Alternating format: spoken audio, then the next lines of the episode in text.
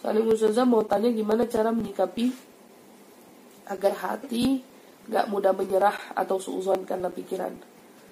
Semua itu baliknya kepada uh, pikiran kita. Bagaimana cara kita mengatur pikiran kita kepada hal-hal yang positif.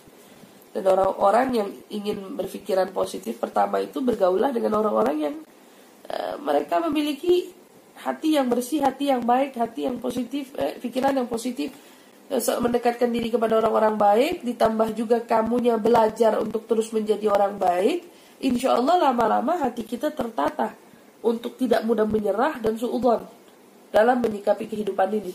Semua itu saya ulangi lagi, sekalipun apa pun masalah yang kita hadapi, semua pasti dilandasi dengan ilmu awalnya. Jika ilmunya kita punya, kita faham, kita tahu, perlahan-lahan, lambat laun kita akan menemukan solusi, terutama untuk diri kita sendiri. Nah, itu jika ilmunya saja dari awal sudah tidak kita miliki, bagaimana kita tahu semuanya?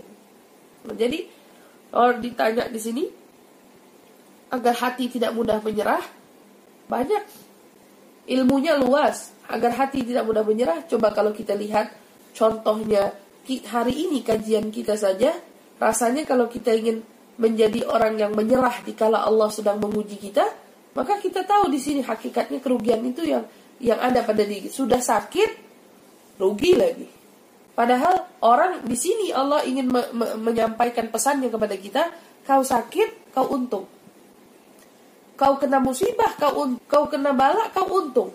Tapi karena kita tidak tahu, akhirnya kita menyikapinya dengan ah sakit, rugi, berarti buruk, berarti jelek. Nauzubillah. Nah di sini kita belajar, alhamdulillah perlahan-lahan, insya Allah sesi per sesi kita akan kembali menata diri kita, menata hati kita untuk menjadi insan atau pribadi yang lebih baik lagi.